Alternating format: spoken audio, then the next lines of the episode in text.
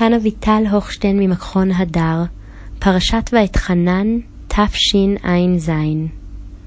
פרק ד' בספר דברים מיפויה של מערכת יחסים. מפה משתקפת מתוך פרק ד' שבספר דברים. מפה מורכבת של מערכת היחסים בין אלוהים לישראל. מפה זו היא הצעה לבסיס, רקע ומרחב התקיימות של קשרים בכלל. במחקר המקרא מקובל לחלק את ספר דברים לשני נאומים, האחד קצר, ואילו השני ארוך, ובו קובץ חוקים נרחב.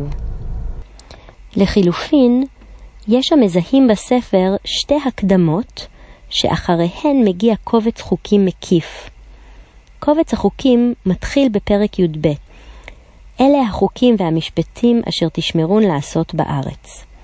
ואילו נאומיו או הקדמותיו של משה מתחילים שניהם בהתייחסות לתורה. תורה אולי במובנה הצר בבחינת קובץ חוקים. כך, עם פתיחת נאומו הראשון של משה נאמר, בעבר הירדן, בארץ מואב, הואיל משה בארץ התורה הזאת לאמור, ובנאומו השני, וזאת התורה אשר שם משה לפני בני ישראל. לפי תפיסות אלו, פרק ד' שבספר דברים הוא מקום התפר שבין שני נאומיו של משה, או לחילופין מקום התפר שבין שתי ההקדמות לקובץ החוקים הגדול שבו. בנוסף, בתוך הפרק תחוב לכאורה קובץ פסוקים קצר שנושאו ערי המקלט שבעבר הירדן. ואולם ניתן לראות את פרק ד' באור אחר, כחטיבה העומדת בפני עצמה, עם מהלך ואמירה עצמאיים.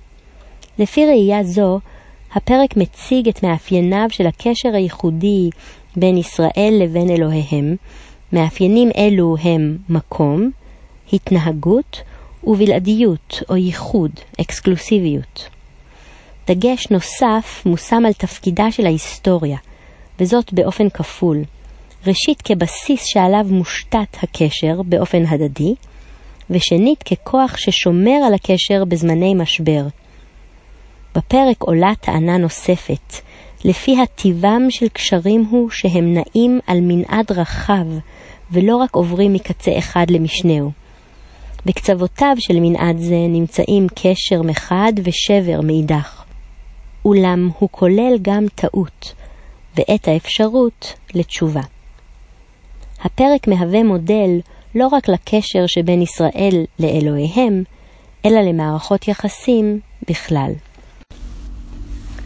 הפרק, כאמור, עוסק ביחסים שבין עם ישראל לבין אלוהיו, ומציג את העקרונות המייחדים אותם. הוא מציג עקרונות לקשר ייחודי. עקרונות אלו כוללים בלעדיות, מקום מיוחד, והתנהגות המתחשבת ברצונותיו ובקשותיו של כל אחד מן השותפים לקשר. הפרק נפתח בהצהרה של משה על חשיבות שמירתם של חוקי האל. כמערכת שלמה וסגורה, מערכת שאין להוסיף עליה ואין לגרוע ממנה. ועתה ישראל שמע אל החוקים ואל המשפטים אשר אנוכי מלמד אתכם, לא תוסיפו על הדבר אשר אנוכי מצווה אתכם, ולא תגרעו ממנו לשמור את מצוות השם אלוהיכם. בד בבד מבהיר משה כי קיים קשר סיבתי בין שמירה על החוקים לבין הכניסה לארץ והקיום בה.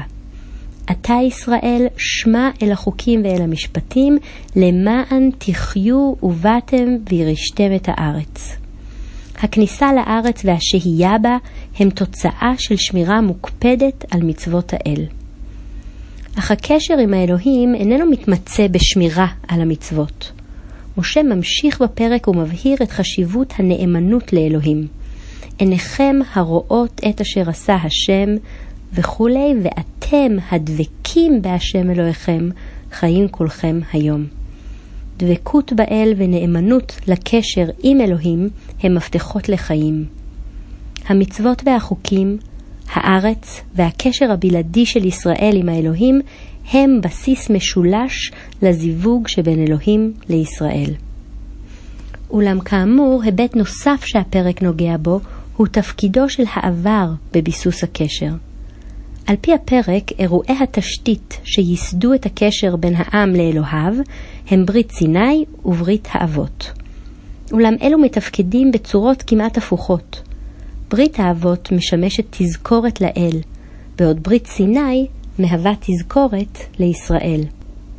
ברית סיני משמשת כתזכורת לישראל שתפקידה לעגן ולבצר את שמירת המצוות. רק ישמר לך ושמור נפשך מאוד וכולי, יום אשר עמדת לפני השם אלוהיך בחורב. אם ברית סיני מוזכרת בפרק כאירוע היסטורי שתפקידו להזכיר לעם את חשיבות הקשר עם האל, הרי שאזכורה של ברית האבות מובאת כתזכורת עבור האל, שאהבתו כלפי האבות משמשת כסיבה וכחיזוק לשמירת הקשר עם בני ישראל. ותחת כי אהב את אבותיך, ויבחר בזרעו אחריו, ויוציאך בפניו בכוחו הגדול ממצרים. כך מתפקד העבר כברית, ובמקרה זה שתי בריתות, המתפקדות במקביל בעברו של הקשר שבין אלוהים לישראל. בריתות היוצרות חוויית קשר הדדית יותר, שבה מונעים שני הצדדים האחד כלפי השני. בשלב זה ישנו לכאורה שבר ברצף הדברים של משה בפרק. נדמה שהוא סוטה מעיסוק בישראל ופונה לדבר על עצמו ועל צערו הפרטי. והשם התענף בי על דבריכם, וישבע לבלתי עוברי את הירדן. הסטייה מן הנושא היא למראית עין מלבד. קיים קשר הדוק בין עונשו של משה לבין הדברים שאמר עד כה. עוצמת עונשו של משה מובהרת דווקא מתוך האופן שבו הוגדר ייחודו של הקשר שבין ישראל לאלוהיו. עונשו של משה הוא למעשה שבר במערכת היחסים שבינו לבין אלוהים. העונש האישי הוא תמונת ראי של מה שתואר בקשר בין אלוהים לעמו. יתרה מכך, עונשו של משה מתפקד כעדות למידת הכעס של אלוהים והשלכות כעסו. הישמרו לכם, פן תשכחו את ברית השם אלוהיכם אשר קראתי עמכם, כי הוא אל קנה. כמו במקרה האישי של משה, כך גם במקרה של העם, העונש במקרה של שבירת הקשר הוא פגיעה במערכת היחסים ואיסור הקיום בארץ. כי תוליד בנים ובני בנים ונושנתם בארץ, ועשיתם הרע בעיני השם אלוהיך להכיסו, העידותי בכם היום את השמיים ואת הארץ, כי אבד תאבדון מהר מעל הארץ. אולם, מתוך תיאור תגובתו של האל לבגידה בו, מתוך תיאור השפל שהוא תוצאה של שבר במערכת היחסים שבין אלוהים לאדם, צומח רעיון חדש, רעיון התשובה. וביקשתם משם את השם אלוהיך ומצאת. ושבת עד השם אלוהיך ושמעת בקולו. מתוך החטא והנתק מבקש, דורש האדם את האלוהים ומוצא אותו. זוהי תשובה, והיא מתאפשרת בזכות הקשר החזק של האל עם עמו. קשר המושתת כאמור על ברית האל עם האבות, ולא ישכח את ברית אבותיך אשר נשבע להם. אם כן, הברית של אלוהים עם האבות היא הבסיס ליציאת מצרים, להתגלות בסיני ולכניסה לארץ. היא בסיס הייחוד של הקשר שבין אלוהים לישראל, וכאן היא מתגלה גם כמפתח לתשובה. עוד ניכר כי התשובה הופכת לאפשרית כאשר ישנם שני צדדים פעילים.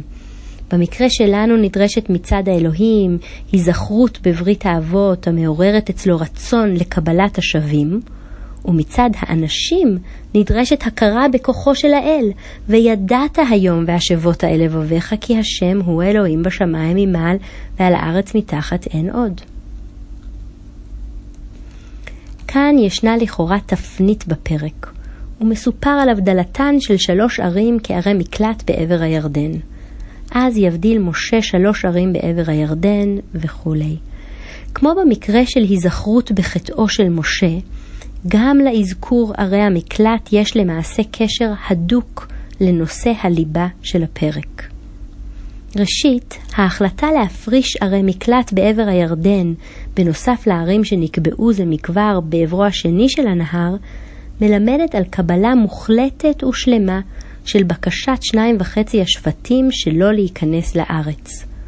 אמנם אלוהים הוא שנותן חוקים ומצוות, אך לבני האדם ישנם רצונות ובקשות, ואלוהים נענה גם לאלו. ערי המקלט שבעבר הירדן מסמלות הדדיות גם בהקשר הזה. שנית, ערי המקלט מלמדות על הגבלת הזעם האלוהי ועל היכולת לסבול טעויות ושגגות. בתוך המערכת הדיכוטומית של קיום מצוות ואי קיומן, שהייה בארץ או גלות מתוכה, ישנו גם במרחב הקשר עם האלוהים מקום לטעות ולשגגה. הפרק מסתכם במילים וזאת התורה אשר שם משה לפני בני ישראל. זאת אם כן התורה, בלעדיות הקשר עם האלוהים, קשר שכולל עבר, מקום והתנהגויות מסוימות, הבנת השלכות בגידה, אפשרות התשובה והיכולת להכיל טועים ושוגגים. ואולי אלו יכולים להוות עוגנים למערכות יחסים שלנו עם בני אדם גם כן. שבת שלום.